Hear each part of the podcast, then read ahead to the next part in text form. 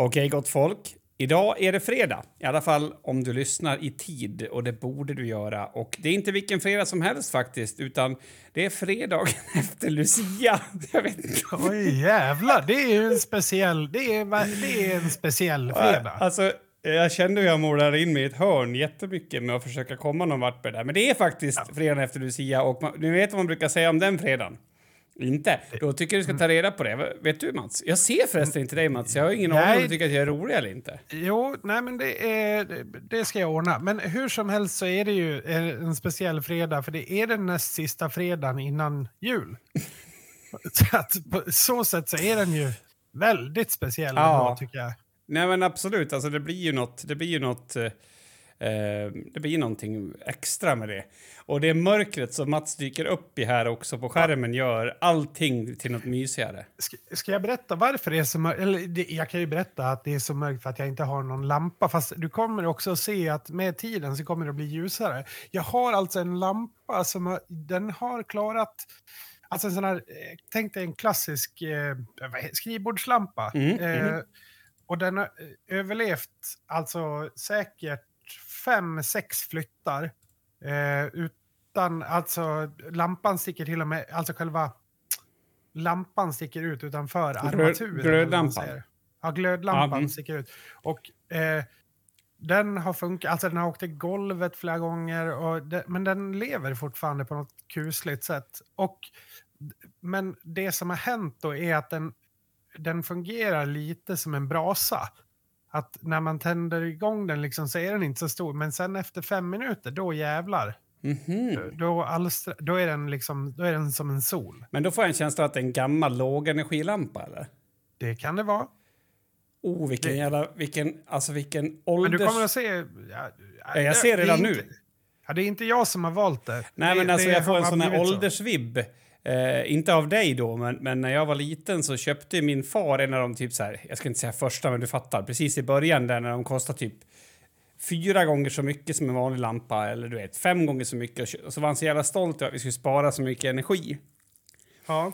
Och det var en sån där lampa som tog så jävla lång tid innan, innan den gick på. Vilket gjorde att, för han ville inte att folk skulle klaga på det. Eftersom då, då skulle ju hans poäng vara borta. Så då smet han oftast in och slog på lampan lite innan. Och då var det ju roligt att fundera, drar det verkligen mindre ström om du måste slå på den innan? Ja, jag vart full fnissad i alla fall. Men nu ser jag dig Mats. Är, är, du bekant med uh, glödlampskonspirationen? Oj, oh ja. Ja, men det, det, har vi pratat om, mm. det här är länge sedan. Men vi, vi, har, nu när jag sa det så bara, just det, det här har vi pratat om. Saker som är, eh, det finns ju saker som är programmerade att eh, gå sönder mm. efter en viss tid och sådär. Men för att det finns ju då någon glödlampa tydligen som är gjord tidigt 1900-tal eller någonting sånt där. Ja, som man fortfarande i... använder på en, på en brandstation i Kanada typ. Eller något sånt där. Inte USA? Ja, USA kanske. Man kan väl, man kan, jag tror att du kan gå in och följa den. Um, jo, jag tror att det finns en... Har, har den en egen Instagram också? Nej, no, det vet jag inte, men den har väl den en har, egen den sida. Den lägger ut tre TikToks om dagen, den här lampjäveln. Ja. Den har alltså... fler följare än alla oss ihop. Och då inkluderar jag alla ni som lyssnar också. Enligt den här källan då så den, har den varit igång... Den gjordes på på 1890-talet och tändes ja. för första gången 1901. Mm. Eh, och den lyser ändå, vad vi vet. Jag har inte varit in på sidan och kollat, men vänta, lampans officiella hemsida, jag måste gå in och kolla. Om man får se. Ja. Om, ja. Men, men och det är ju liksom då ett... Eh, så här, det är ju självklart om vi tänker oss in då att vi lever i en värld, eh, eller nej, att vi lever i en värld där för att kunna tjäna pengar då, alltså antingen, det finns ju två val, antingen så ska den här lampan kosta 4 500 eh, för att det ska täcka upp liksom mm. kostnaden för istället för att man köper som vi, när vi växte upp och använde de här gammeldags glödlamporna så att säga, då, eh, ja men de höll ju ett år, kanske. Ja, sånt där. Jag vet, alltså... och det var så roligt för att det, det, var ju, det var ju du som hade gjort fel om du inte hade några extra. Ja, ja, ja verkligen. Och, och, nu, alltså, jag tänkte på det när det var någon lampa som gick, vilket är så här. Först tänkte jag så här, när hände det här sist? Men sen tänkte jag så här, hur fan kan vi inte ha glödlampor hemma? Ja, för att det behövs inte. Det är ju Nej. därför, eh, Men- på något sätt. Men det har också blivit lite mäckigare. Det, alltså, I många hem så är det ju typ ett hantverksjobb nu att byta en lampa. Säg att du har du vet, så paneler installerade i taket uppe i, i, inne i badrummet eller någonting. Ja, alltså, Så de, du det är typ inte måste säkert... skruva Ja, loss eh, någon jävla panel och hålla på för att byta en lampa om den går sönder. Liksom. Det är Och- ju svindrygt. Fast det värsta med det är ju att alltså, nu köpte ju vi ny till toaletten när vi byggde. Och eh, det går inte att byta dem. Då måste du byta hela armaturen och allting. Ja, du byter, ja, exakt. Du byter liksom inte lampjäveln utan du byter hela skiten. Så då, Ja, ja, men, men vi kan inte fortsätta prata om det här utan att både jag och eh, 68% av lyssnarna somnar. Utan nu drar vi igång avsnitt 162 av Tre. podcasten 3 av podcasten Hashtag livet.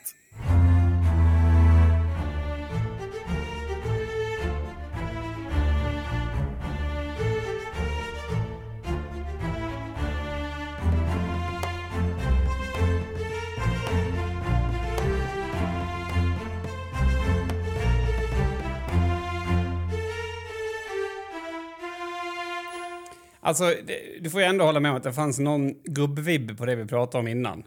Ja, gud, ja. Och jag vill fortsätta på den, för att jag har, alltså... Eh, det här är typ...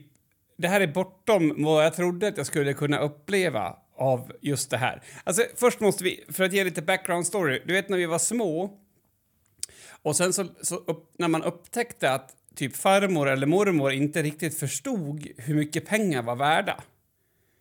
Har, har du haft den stunden någon gång när du tänker att ja, det där var ju inte så mycket pengar som det verkar som att hon trodde att det var? Eller han trodde att det var, om det är morfar eller farfar då. Ja, nej, nej. Alltså, Nej, och det riktigt. kanske inte alla gör, men, men någonstans känns det som att på vägen så bara så här... Eh, har du inte fattat det där?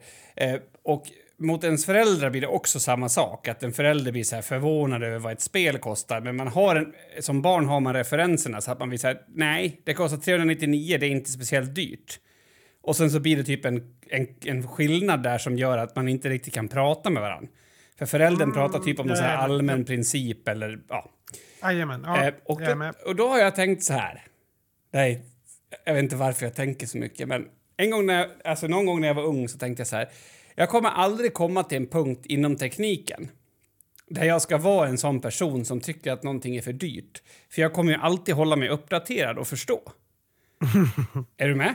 Ja, Och med, med datorer tycker jag ändå att jag har kommit långt. Jag är snart 40 år, eh, om en vecka faktiskt. Så, så är det liksom så här, men jag fattar vad saker kostar. Men jag åkte dit igår. Nej. Jo, jag åkte dit igår. Jag åkte dit igår så att jag nästan, att jag nästan knäade. Alltså, förstår Skulle- du? Så att du blev yr. Ja, alltså precis. Vi sätter ner ena knät i golvet och bara, ah, vad händer? Men, skulle man kunna säga att du... Nej, ja, okej. Jag är helt... Jag är intresserad. Berätta. berätta. jo. jo, men jag köpte ju, alltså, ehm, jag köpte mig en laserskrivare sist som jag köpte en skrivare. Snabb paus där, va? Ordet laserskrivare, det känns så jävla hemma 98. Ja, Alltså- vad, vad vill jag kalla det för då? En printer?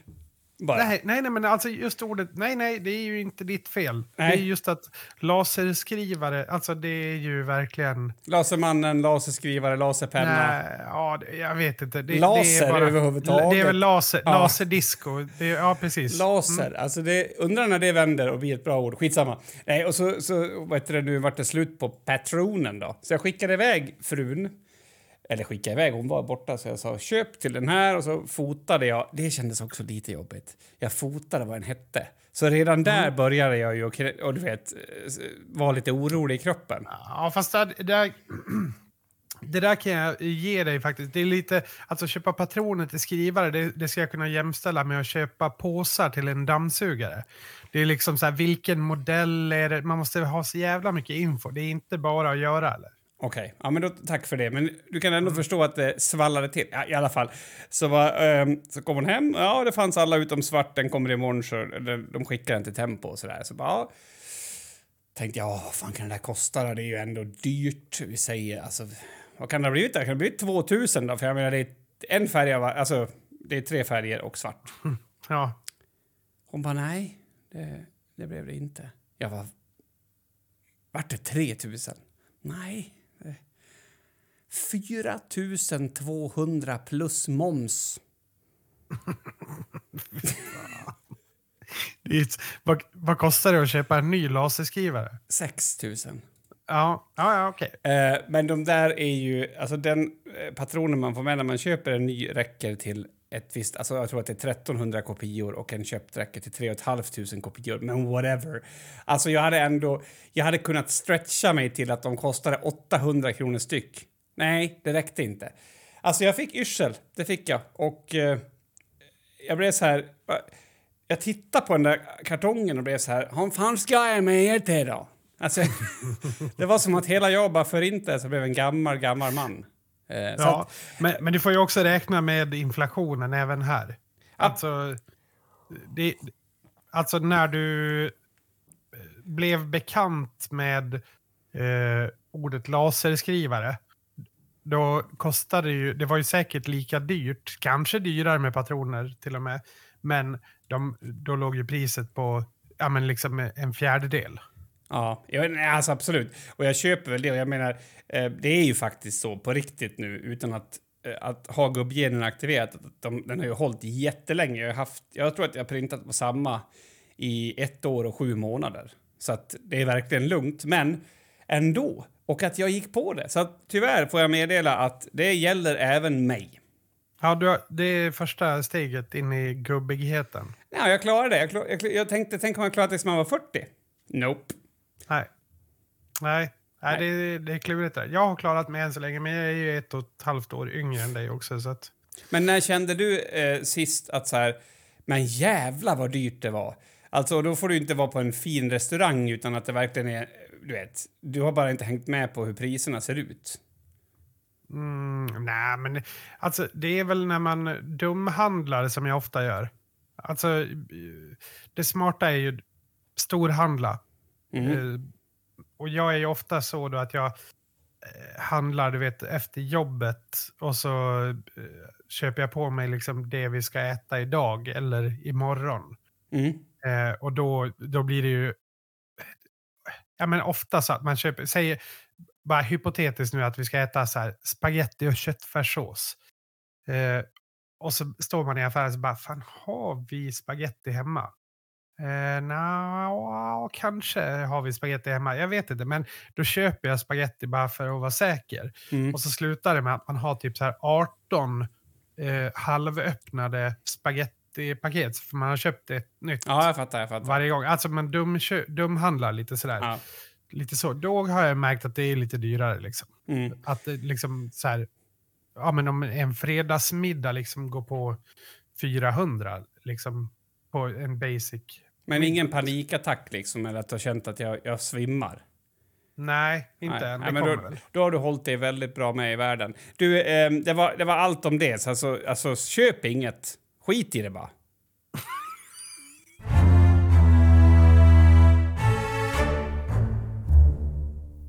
Låt mig inleda. Det är snabba bollar idag. Ja, absolut. Vad skulle det annars vara? Och nu är det, det är också snabba kast i och med det. Så nu gör vi en helomvändning. Jag skulle vilja eh, läsa en dikt här om Yttermalung. Seriöst? Ja. Wow, eh, vad roligt. Jättegärna. det är det är där du och jag kommer ifrån. Ja, jag hoppas att du är varsam då och har läst, alltså, läst den någon gång så att du får en fin ett fint flöde här. Ja, men jag har läst den flera gånger faktiskt. Y- Då kommer den här. Yttermalung, vacker och fridfull. Ett paradis i Västerdalen. Där fåglar kvittrar och bäckar rinner. Och naturen vaknar till liv. Lugnet och stillheten är närvarande. Och jag känner hur jag slappnar av. Här finns ingen stress, ingen jäkt. Bara ren och skär frihet.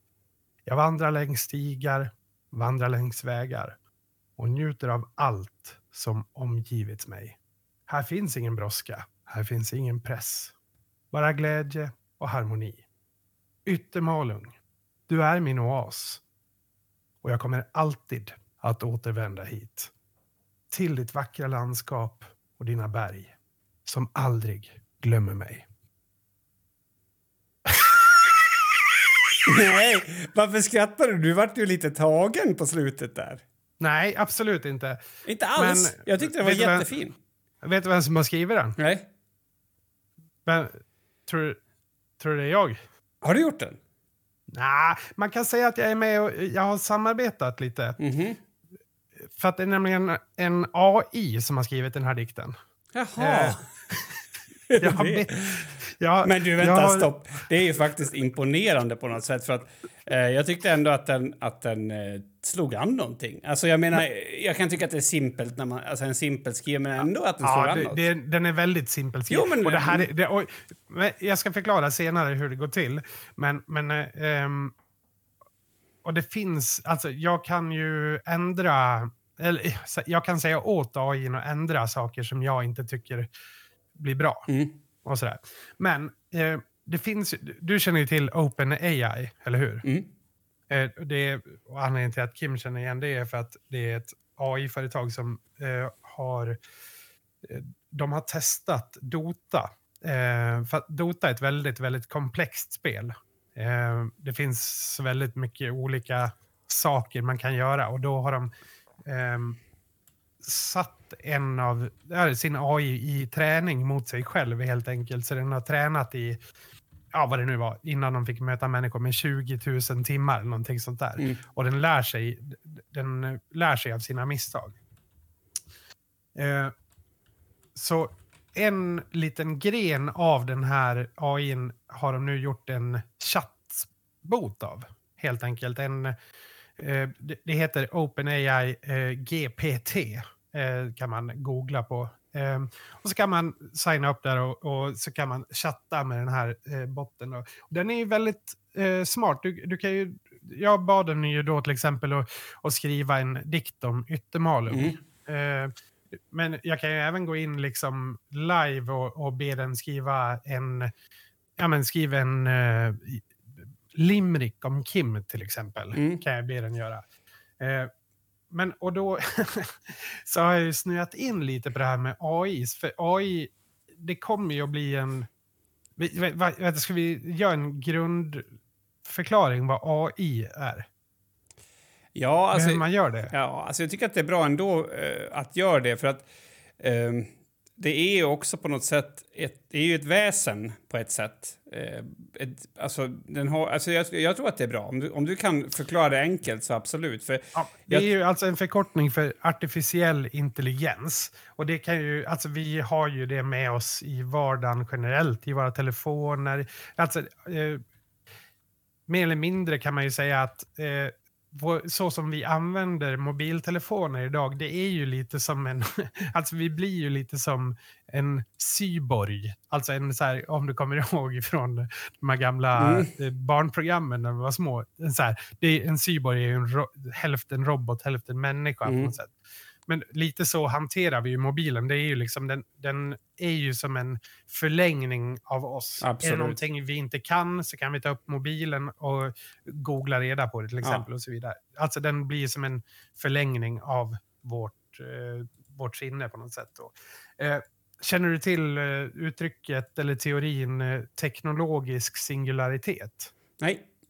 Okej, eh, det är ju en intressant eh, teori då om, eh, som handlar om AI. Alltså, vad, och det är det som uppstår då den dagen AI blir smartare än oss människor. Okej. Eh, alltså där den kan börja eh, lära sig själv saker och utveckla sig själv eh, på ett sånt sätt som är bortom vår kontroll kan man säga. Mm.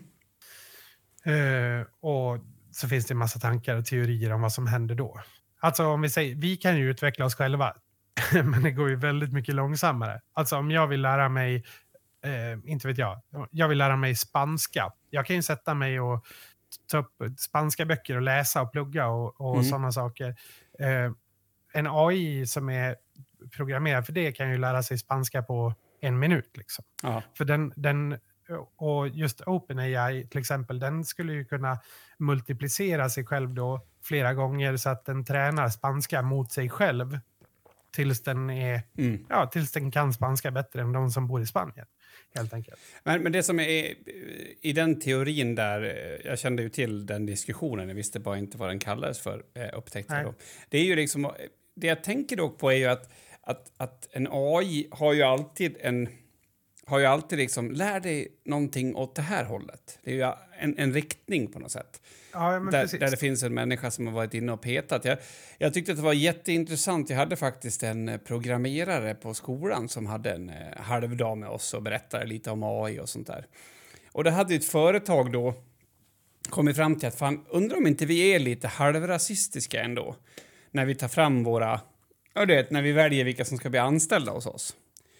Så då hade de, nu kommer jag inte ihåg vad företag, så det här blir källöst, men, men i, vi kan fortfarande diskutera vad som hände. Och då eh, så tog de fram en AI och lärde den hur den skulle tänka. Och det stod inte på förrän han var allra, alltså allra mest rasistisk av alla.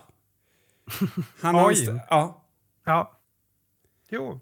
Det, alltså, den lär sig ju... Alltså, å andra sidan finns det företag, eh, nu, och det här är också källöst, eh, men det finns ett eh, ganska stort eh, fin, finskt företag som jag inte kommer på vad heter nu, det så still. Men jag vet att de har en AI som sitter med i styrelsen, till exempel. ja. Eh, för, att, för att den, eh, ja, de- den eh, kan räkna ut saker så mycket snabbare än vad vi människor kan. ja. Alltså den är matematiskt smart helt enkelt. Mm. Eh, de- den eh, tänker bara matematiskt och hårda fakta helt enkelt. Mm. Så de, den typen av information får de från den.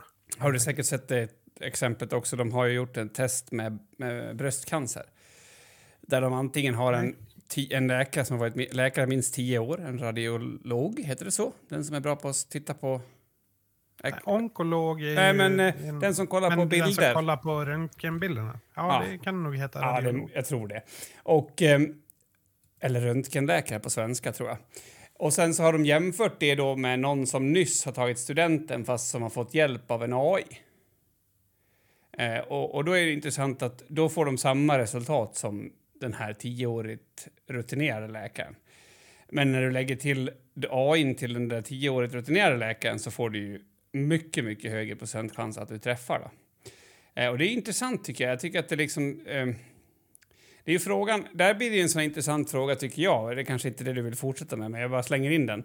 Det här, när ska man sluta bry sig om känslor när man tar beslut? Alltså, eh, finns det en vits med det eh, någonstans? Och vart tar den vitsen slut?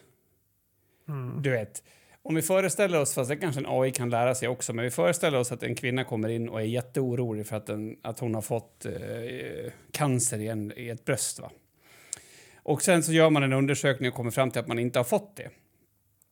Jag kan tänka mig att i något av fallen så, så behöver den här kvinnan typ att man tar en bild till för att annars så kommer hon må så dåligt psykiskt så att hon tror inte på det eller, eller något sånt liksom. Eh, är det viktigt då att det finns en människa med eller är det mindre viktigt? För att då, då är det ingen som ser det där utan nej men du har det inte, vi hörs, hej. Det är en intressant tanke som jag funderar på. Liksom, det kanske är en nackdel att vi tar in känslor även när vi tror att det inte är en nackdel. Ja, ibland är är det ju definitivt så. Eh, men eh, sen är det ju så här, det blir så otroligt filosofiskt när man börjar prata om Absolut. det. här. Vad, då, då är det så här, vad är känslor? Det finns ju vissa AIs som... Det var ju någon som blev sparkad från Google för inte allt för länge sedan. För Google håller ju också på att utveckla AIs. Och då hade den suttit...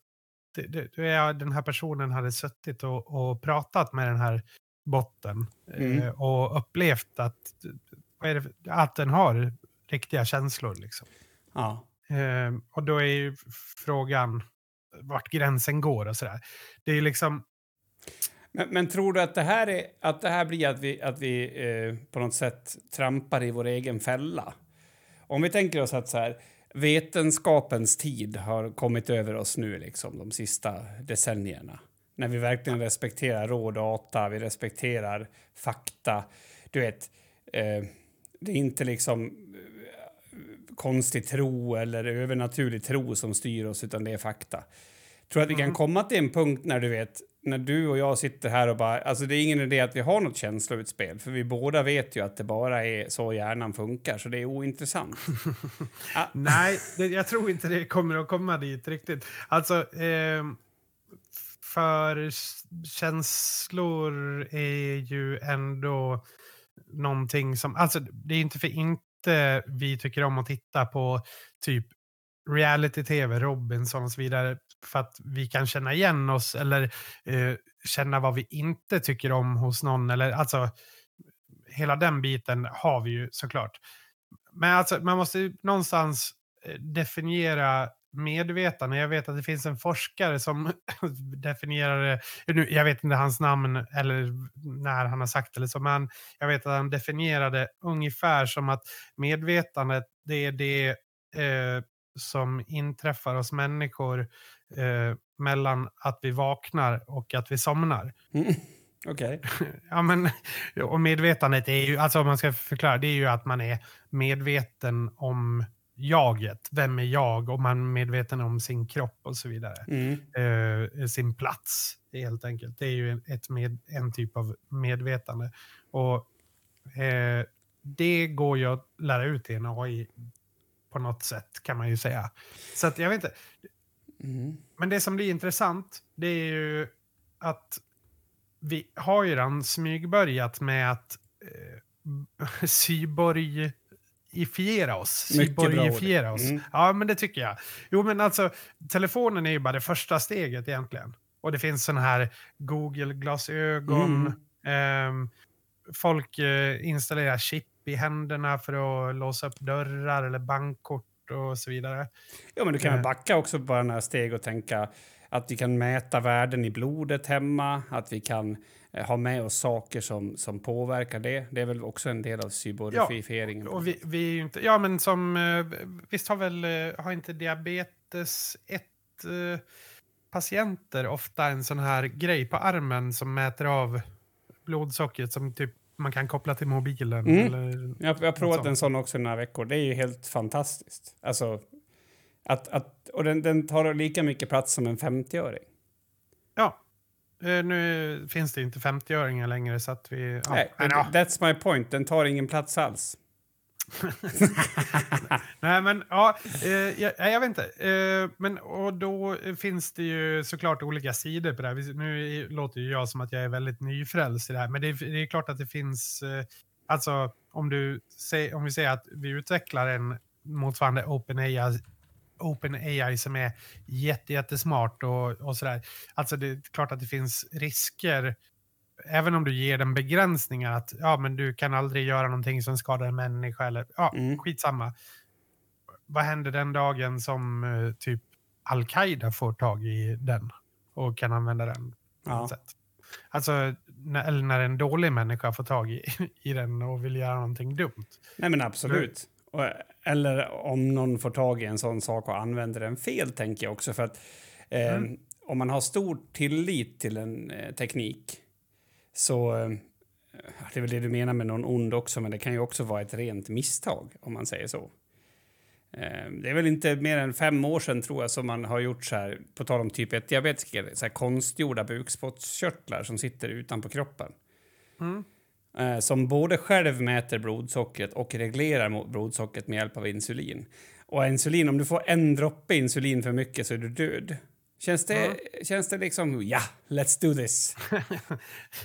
Ja, nej, nej ja, alltså det känns ju skönt på det sättet att man själv inte behöver komma ihåg och tänka på det så mycket.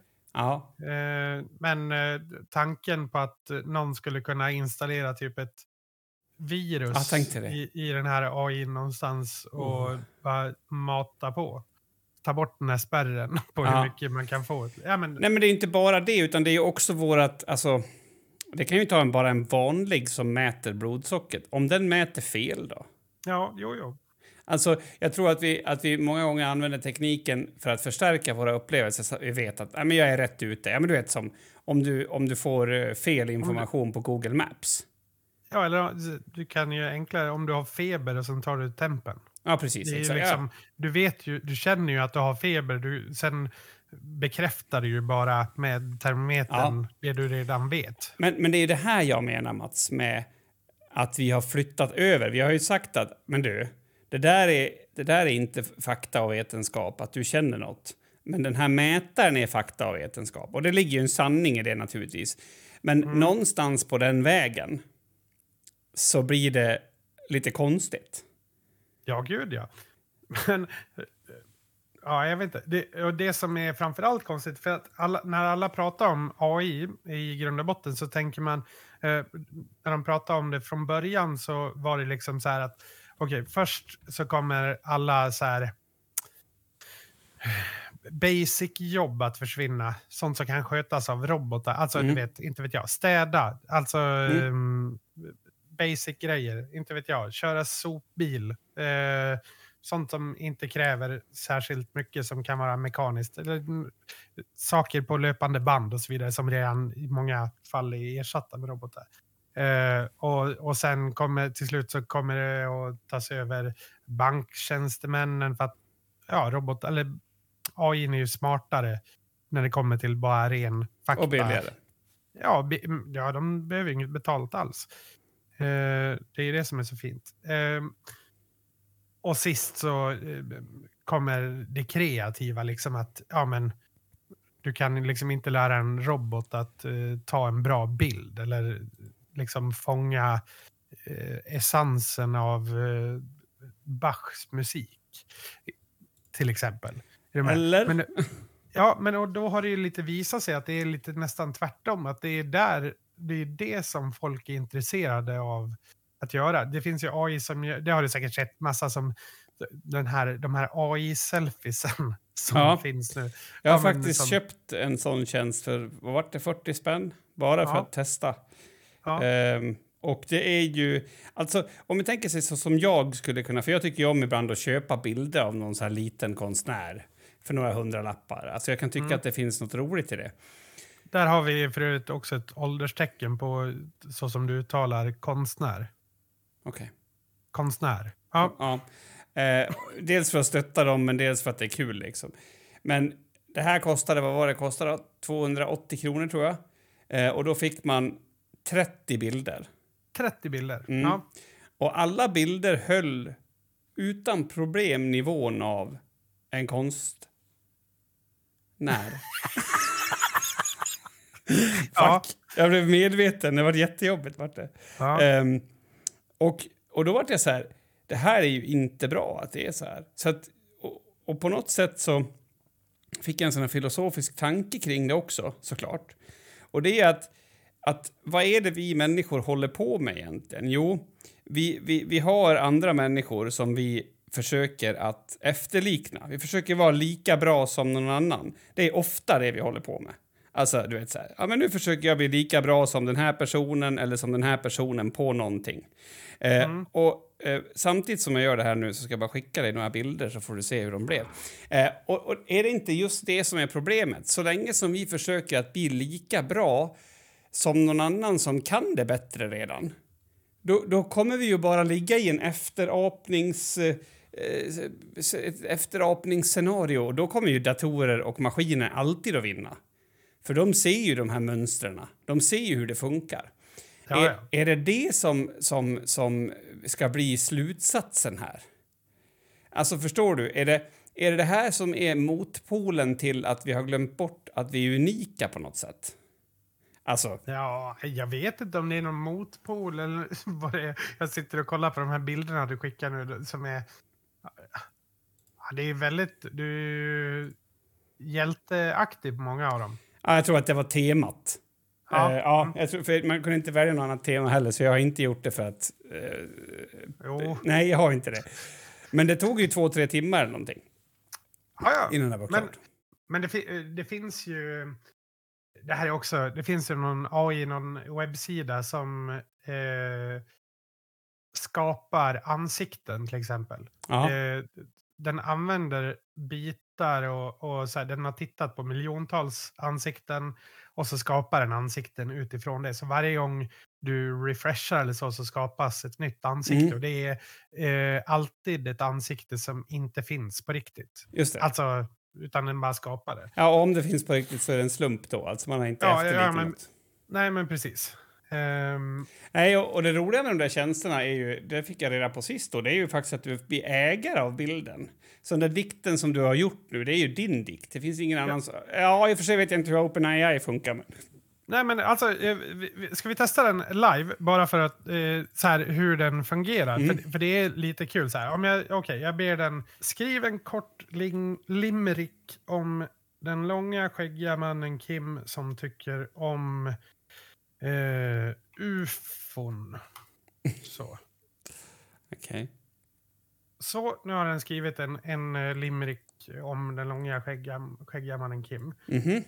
Så då, jag gav den ju bara, alltså, så här, den, den har inte tillgång till internet. Eh, är du med? Så att jag Mhm. kan inte så här, utan jag kan mata den med info. Okej. Mm. Eh, så till exempel, nu skrev den, den långa skäggiga mannen Kim tycker om ufon med all sin styrka. Han söker dem varje dag och hoppas att få se en, att det finns liv där ute. Det är hans största dröm. Det är inte en särskilt bra limerick. Är du med? Men den är fem, fem li- lines. Det- Fem lines, det har du men det borde rimma Men- men- på de det- överst. Hur rimmar Ja, han? eh, nej, den rimmar ju inte. Nej. Så nu skriver jag till här. Eh, för att det ska vara en limerick så måste eh, den första, andra och sista raden rimma med varandra. Mhm. Samt att rad 3 och 4 ska rimma med varandra. Eh, och då ma- matar jag in den informationen, bara Mm. skriver in den och förhoppningsvis, det är ibland nu, den har varit väldigt, väldigt populär den här botten på slutet så att ibland så blir det så här, äh, det är overload nu, det, går, det är för mycket. Mhm. För att folk sitter och gör det bara. Men nu lär den sig av dig nu då? Så den vet det till nästa gång, eller? Ja, nu har den då eh, försökt. Jag ser ju att den inte har gjort rätt igen här. Men den långa skäggiga mannen Kim tycker om ufon med all sin styrka. Det är fortfarande inget Mm. rim där. Eh, han letar och letar för att få se en stjärna. Att det finns liv där ute, det är hans största lycka. Då finns det ju lycka och styrka. Eh, Ja. Ja, men är du med? Så, så jag kan sitta och, skriva med. Så, så, till exempel, nu kan jag säga åt den. Okej, det där gillar jag. Eh, sätt ackord på den. Så jag kan hålla på och ge mataren med hur mycket information som helst egentligen.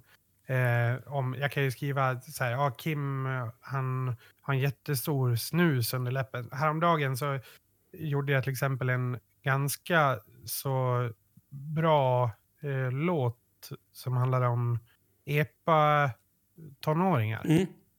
Så han skrev, han, botten skrev att eh, ja, epa-traktorer är helvetet på jorden och de luktar svett och lyssnar på dålig musik. Ja. Ja. men, ja, men, så man kan ju, jag kan ju liksom ge den min subjektiva information om man Just säger. Mm.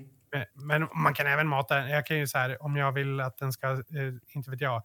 Eh, den är ju suverän om jag håller på och kodar till exempel. Säg att jag skrivit två A4-kod Mm. och sen någonstans har det blivit fel. En, en knapp jag ska ha i det här programmet, det, jag, den är på fel ställe och jag kan inte förstå varför. Eh, då kan jag kopiera in den koden i den här botten och så kan jag fråga varför hamnar inte knappen där jag vill att den ska? Och då, och då kommer den att kunna se de felen. Så på det sättet så är ju den här botten fenomenal. Mm. Alltså just för sådana saker. Sen kan man väl, alltså den här, jag gjorde en annan, kan jag avsluta med den kanske? Jag bad den skriva en mörk dikt om Malung som handlar om raggare. Mm. Eh, Men jag kanske vi kan ta på slutet. Jag, jag, tänker, jag skulle vilja prata om några mer saker där först. Om, Ja, Okej, okej. Ja, men Som då kan kanske- vi ta den senare. Ja, så kanske är av lite mer filosofisk karaktär, men, men jag, när jag lärde mig lite mer om AI nu då, via den här skolgrejen som jag sa, så fick jag också förstå, och det var du lite grann inne på också, att en AI i regel, eller alltid, har liksom en motpol till sig själv. Eh, som på något sätt, eh, om vi säger att, att, att en del av AI försöker ta ett så bra beslut som möjligt så finns det en annan del av AI som försöker att upptäcka dåliga beslut så bra som möjligt. Eh, alltså att man hela tiden jobbar mot någon som, som, som säger om det är bra eller inte. Och Mm. på den vägen förbättras man då. Sen kanske det är jättemånga AIs på ena sidan och jättemånga AIs på andra sidan. Jag vet inte exakt, men det, min poäng är att, att man på något sätt även har gjort den reversed. Eh, så att man ska, eller att den har själv gjort sig reversed, då, så att man ska se, är det här verkligen ett bra beslut eller är det här verkligen rätt slutsats att dra och så vidare. Ja, men eh, du kan ju testa en tes eh, med en AI. Alltså säga att en AI... Jag måste bara komma på ett exempel. Men säg att eh, AI ska bestämma om eh, vi ska ha skatt på socker eller inte. Mm, Varför tar jag det? jag vet inte. Ja, nej, men... Och då måste den ju testa så här... Eh, alltså då måste du testa massa olika eh, scenarier. Mm, Alltså ett scenario är att eh, du sätter skatt på socker men det blir revolution för att eh, folk tycker att det är fel. mm, Eh, Medan eh, e- ett annat är att ja, det blir bra, folk äter mindre socker och eh, vi blir friskare och lever längre mm, till exempel. Men och, i, om man tar ett bättre exempel, till exempel vilken färg på hemsidan är bäst. Eh, då, då kan den liksom testa det här eh, så många gånger samtidigt. För att Mm. du kan ju, du kan ju liksom, den kan ju multiplicera sig hur många gånger som helst och bara testa, testa, testa, testa. mm. Så att du kan liksom få in så här 20 000 testtimmar på, på en vecka. Liksom. Precis. Den, och det är det som är den stora kraften i det på något sätt. Ja, men alltså det jag menar är att eftersom den också kollar...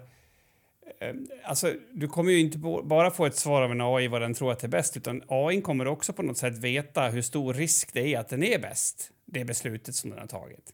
Ja, Alltså- ba- baserat på vad det är för någonting det handlar Ja, om. och det där tycker jag är så jävla intressant för att båda de där sakerna är ju precis det som... Vi, alltså om vi tänker oss att AI är något nytt och vi förstår ingenting, vad kan vi då lära oss från det? Jo, det första är att när vi inte är helt skitsäkra så då vet vi att det är, om möjligt finns en annan förklaring.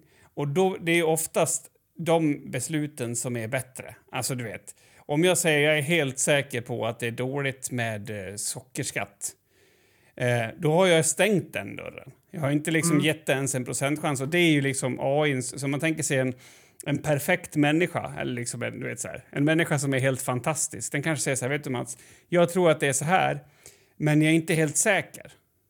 Mm. Eh, och då förstår man att det finns en öppning för en diskussion eller en öppning för... Så det blir liksom dels mysigare, men sen tror jag också att det är de här sakerna som vi är helt säkra på, de som vi inte ens analyserar något mer. Det är ju de som gör att vi får helt vidriga fördomar.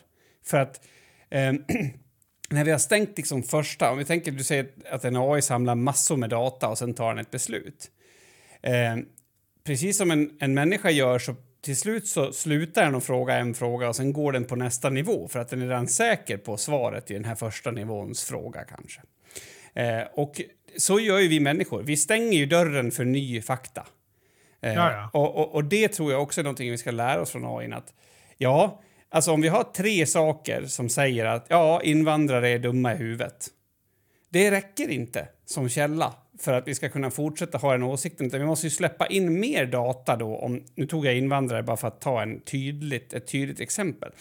Och när vi börjar släppa in mer data, alltså i våra huvuden, skit i vi är en är människor, så då går det inte att säga så något mer. Och det är ju det som på något sätt innebär att man blir fördomsfri. Så att, eller, det blir man väl kanske inte ändå, men att man åtminstone har en mer, en mer trovärdig fördom. Eh, och och det, jag tycker att det är intressant. Jag tycker att det blir den filosofiska lärdomen jag fick av AI. Så att, fan, mer data. Får vi mer data då kommer vi närmare sanningen vare sig vi är världens mest intelligenta dator eller bara en idiot ifrån Yttermalung.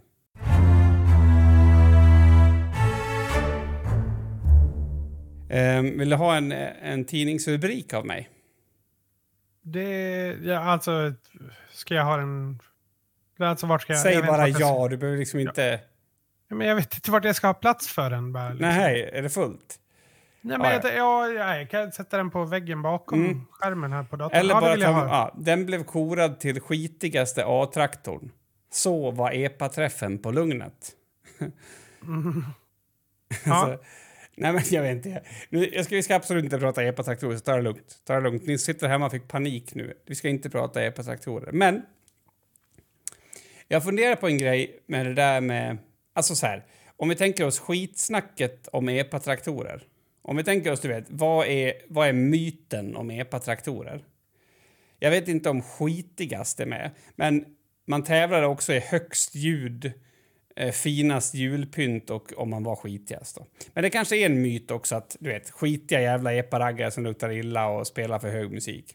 Och sen så hade de en tävling i det på Lugnet.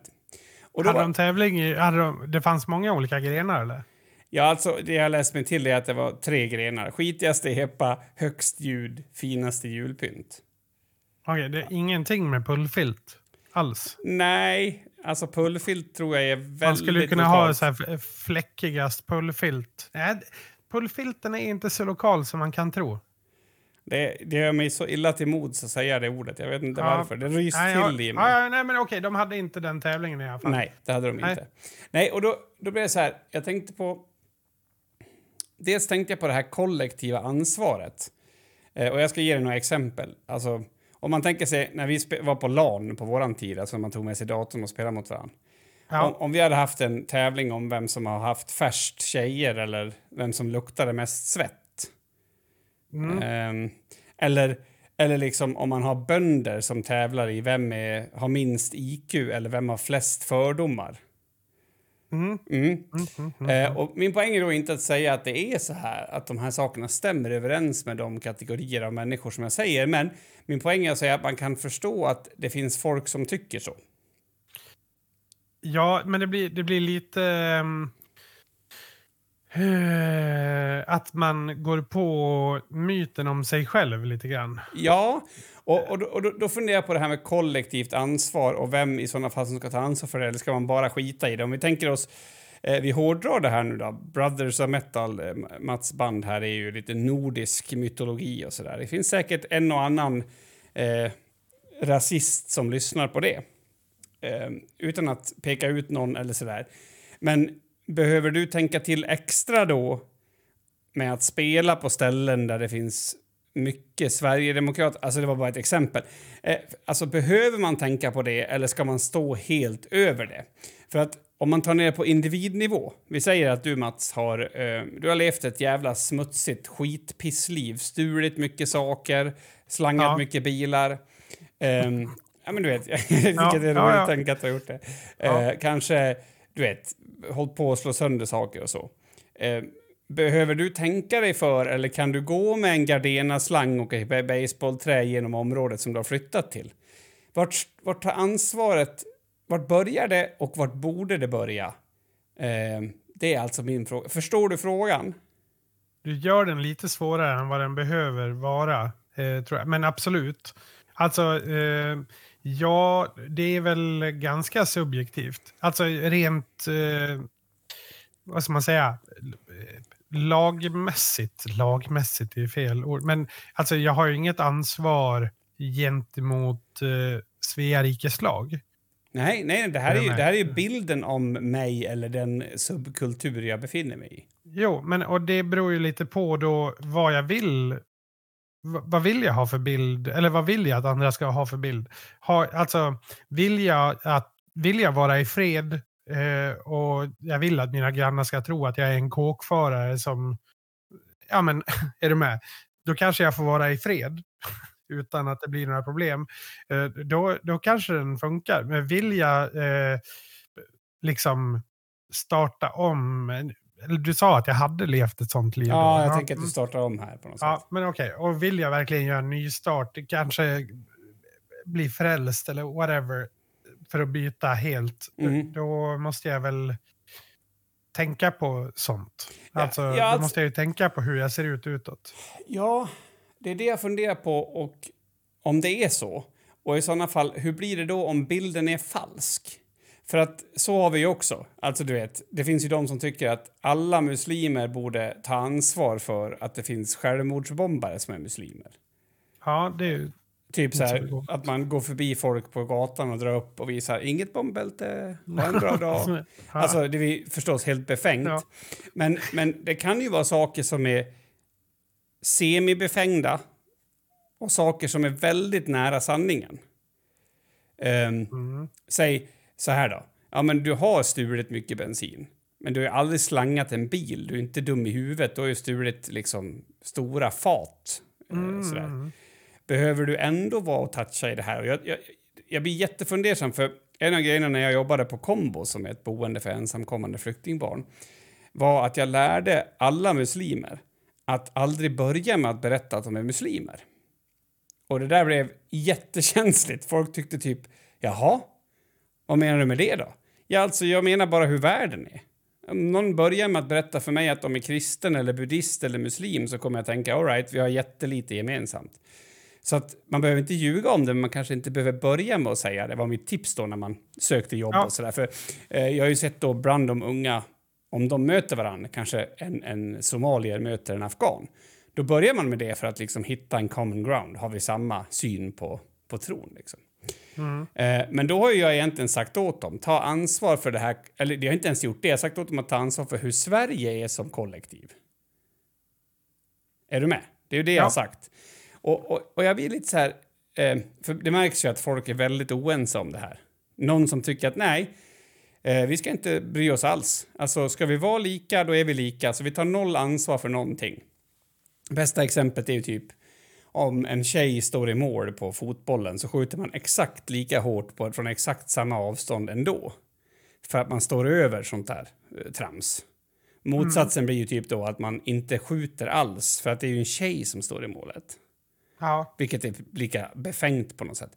Men är inte det här jävligt svårt att hitta nivån på? Och hur... Eh, Jag tror att det beror helt på vad det handlar om. Och också, nu börjar vi ju någonstans i epa-träsket mm, yes. där.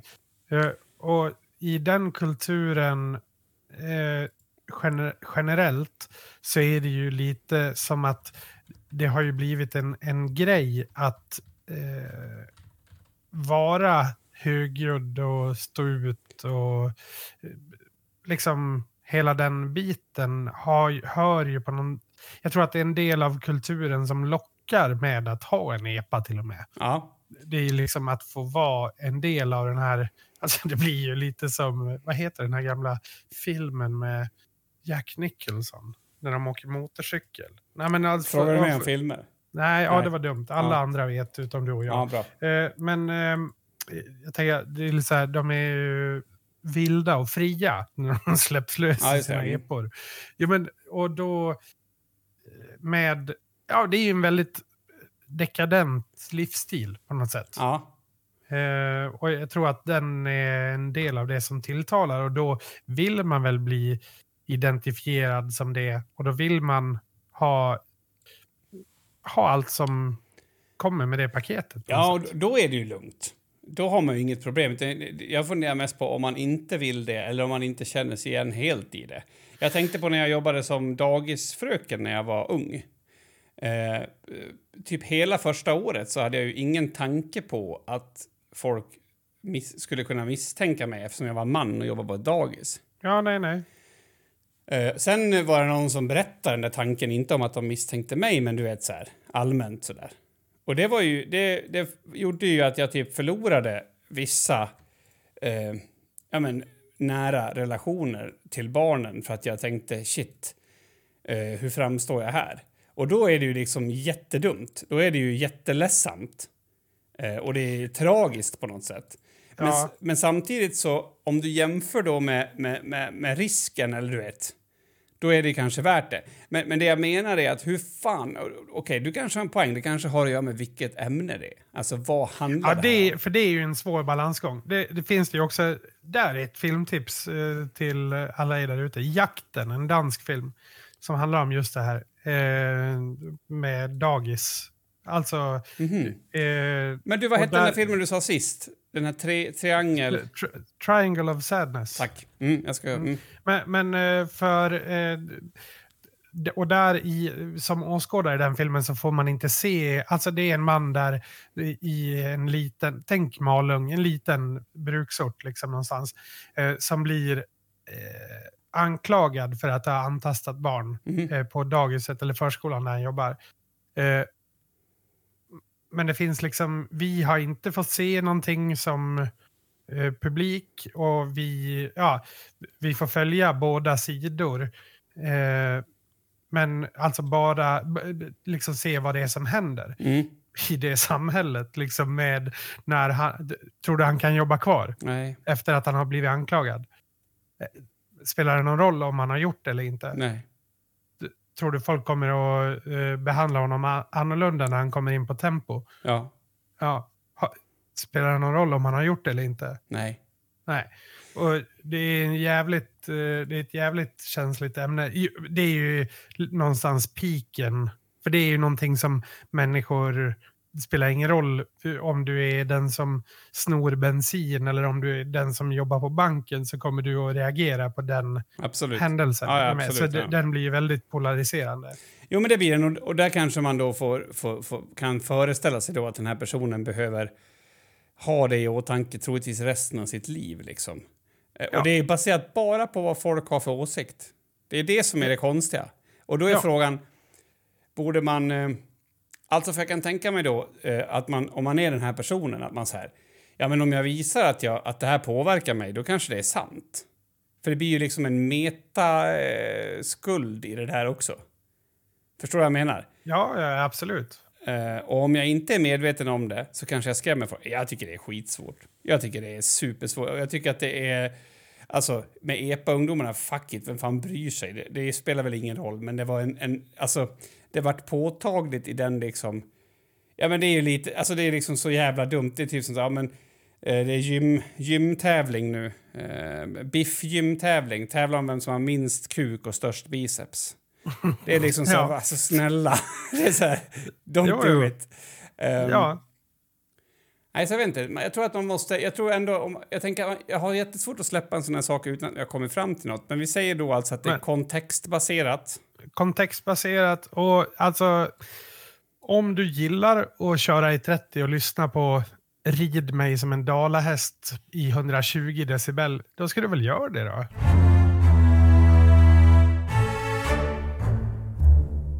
Ja, eh, det här avsnittet lider ju mot sitt eh, slut, som Ja, vi det gör brukar det. säga. Det är, det är hemskt. Eh, och jag har ju, som jag nämnde innan där, jag har ju skrivit en dikt ihop med den här boten, AIn. Just det, ja. Men Eh, det jag funderade på dock, och för det borde verkligen vara det sista. ja, Eh, jag har ju ställt en fråga där på, på Facebook. Har du sett det? eh, nej. Alltså, folk har blivit bättre på att svara. Alltså, big creds till alla. Alltså, Vadå, vart- alltså vart- på, med, med, ja du menar, ja, ja, jag trodde du hade skrivit den nu under avsnittet till mig. Du menar den du skrev på hashtag livet eller på podcasten Ja. livet-sidan på Facebook.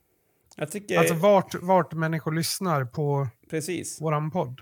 Så det kändes vår väldigt kul. Fortsätt att vara så engagerade så blir det väldigt trevligt tycker jag. Jag Eh, tycker att vi börjar, det, det är nästan som man törs eh, bli lite stursk och säga att vi nästan börjar få ett litet, vi börjar bli ett litet community. Ja, jag tycker vi kan sträcka ut eh, hakan så pass och säga det faktiskt. Men det jag tycker är framför allt roligast, det, det som jag blir eh, gladast av, det är väldigt kul såklart att många av, av våra eh, vänner och bekanta lyssnar. Men finns det någonting så roligt som när man ser en, en kommentar och man bara håller över namnet och ser noll gemensamma vänner? Ja, det är supernice.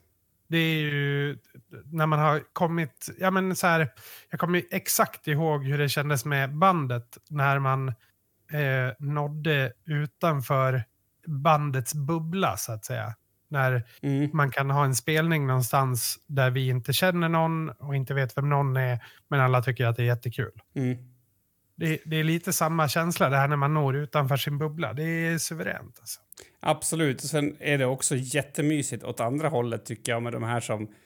Eh, verk, alltså det känns som att de har hört, hört det som ska bara vara i min hjärna när man träffar dem.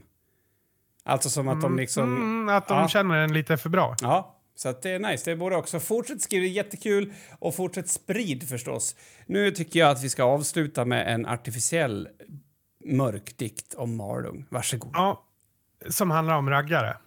Eh, och här kommer den. Malung, mörk och dyster. Ett ställe där raggare råder. Där bilarna tutar och musi musiken spelas högt och ingen bryr sig om vad som händer. Natt efter natt går festen vidare och ingen bryr sig om morgondagen. Här finns inget hopp. Här finns ingen framtid. Bara sorg och förtvivlan. Jag vandrar ensam genom gatorna och känner hur jag själv sjunker ner. Här finns ingen kärlek. Här finns ingen glädje. Bara sorg och förtvivlan. Malung, du är mitt helvete. Jag kommer aldrig att komma loss från ditt mörka grepp och dina raggare som aldrig vill ge mig någon ro. Tack så mycket för att ni har lyssnat. Tack för idag. Avsnitt 163 är slut. Ta hand om er.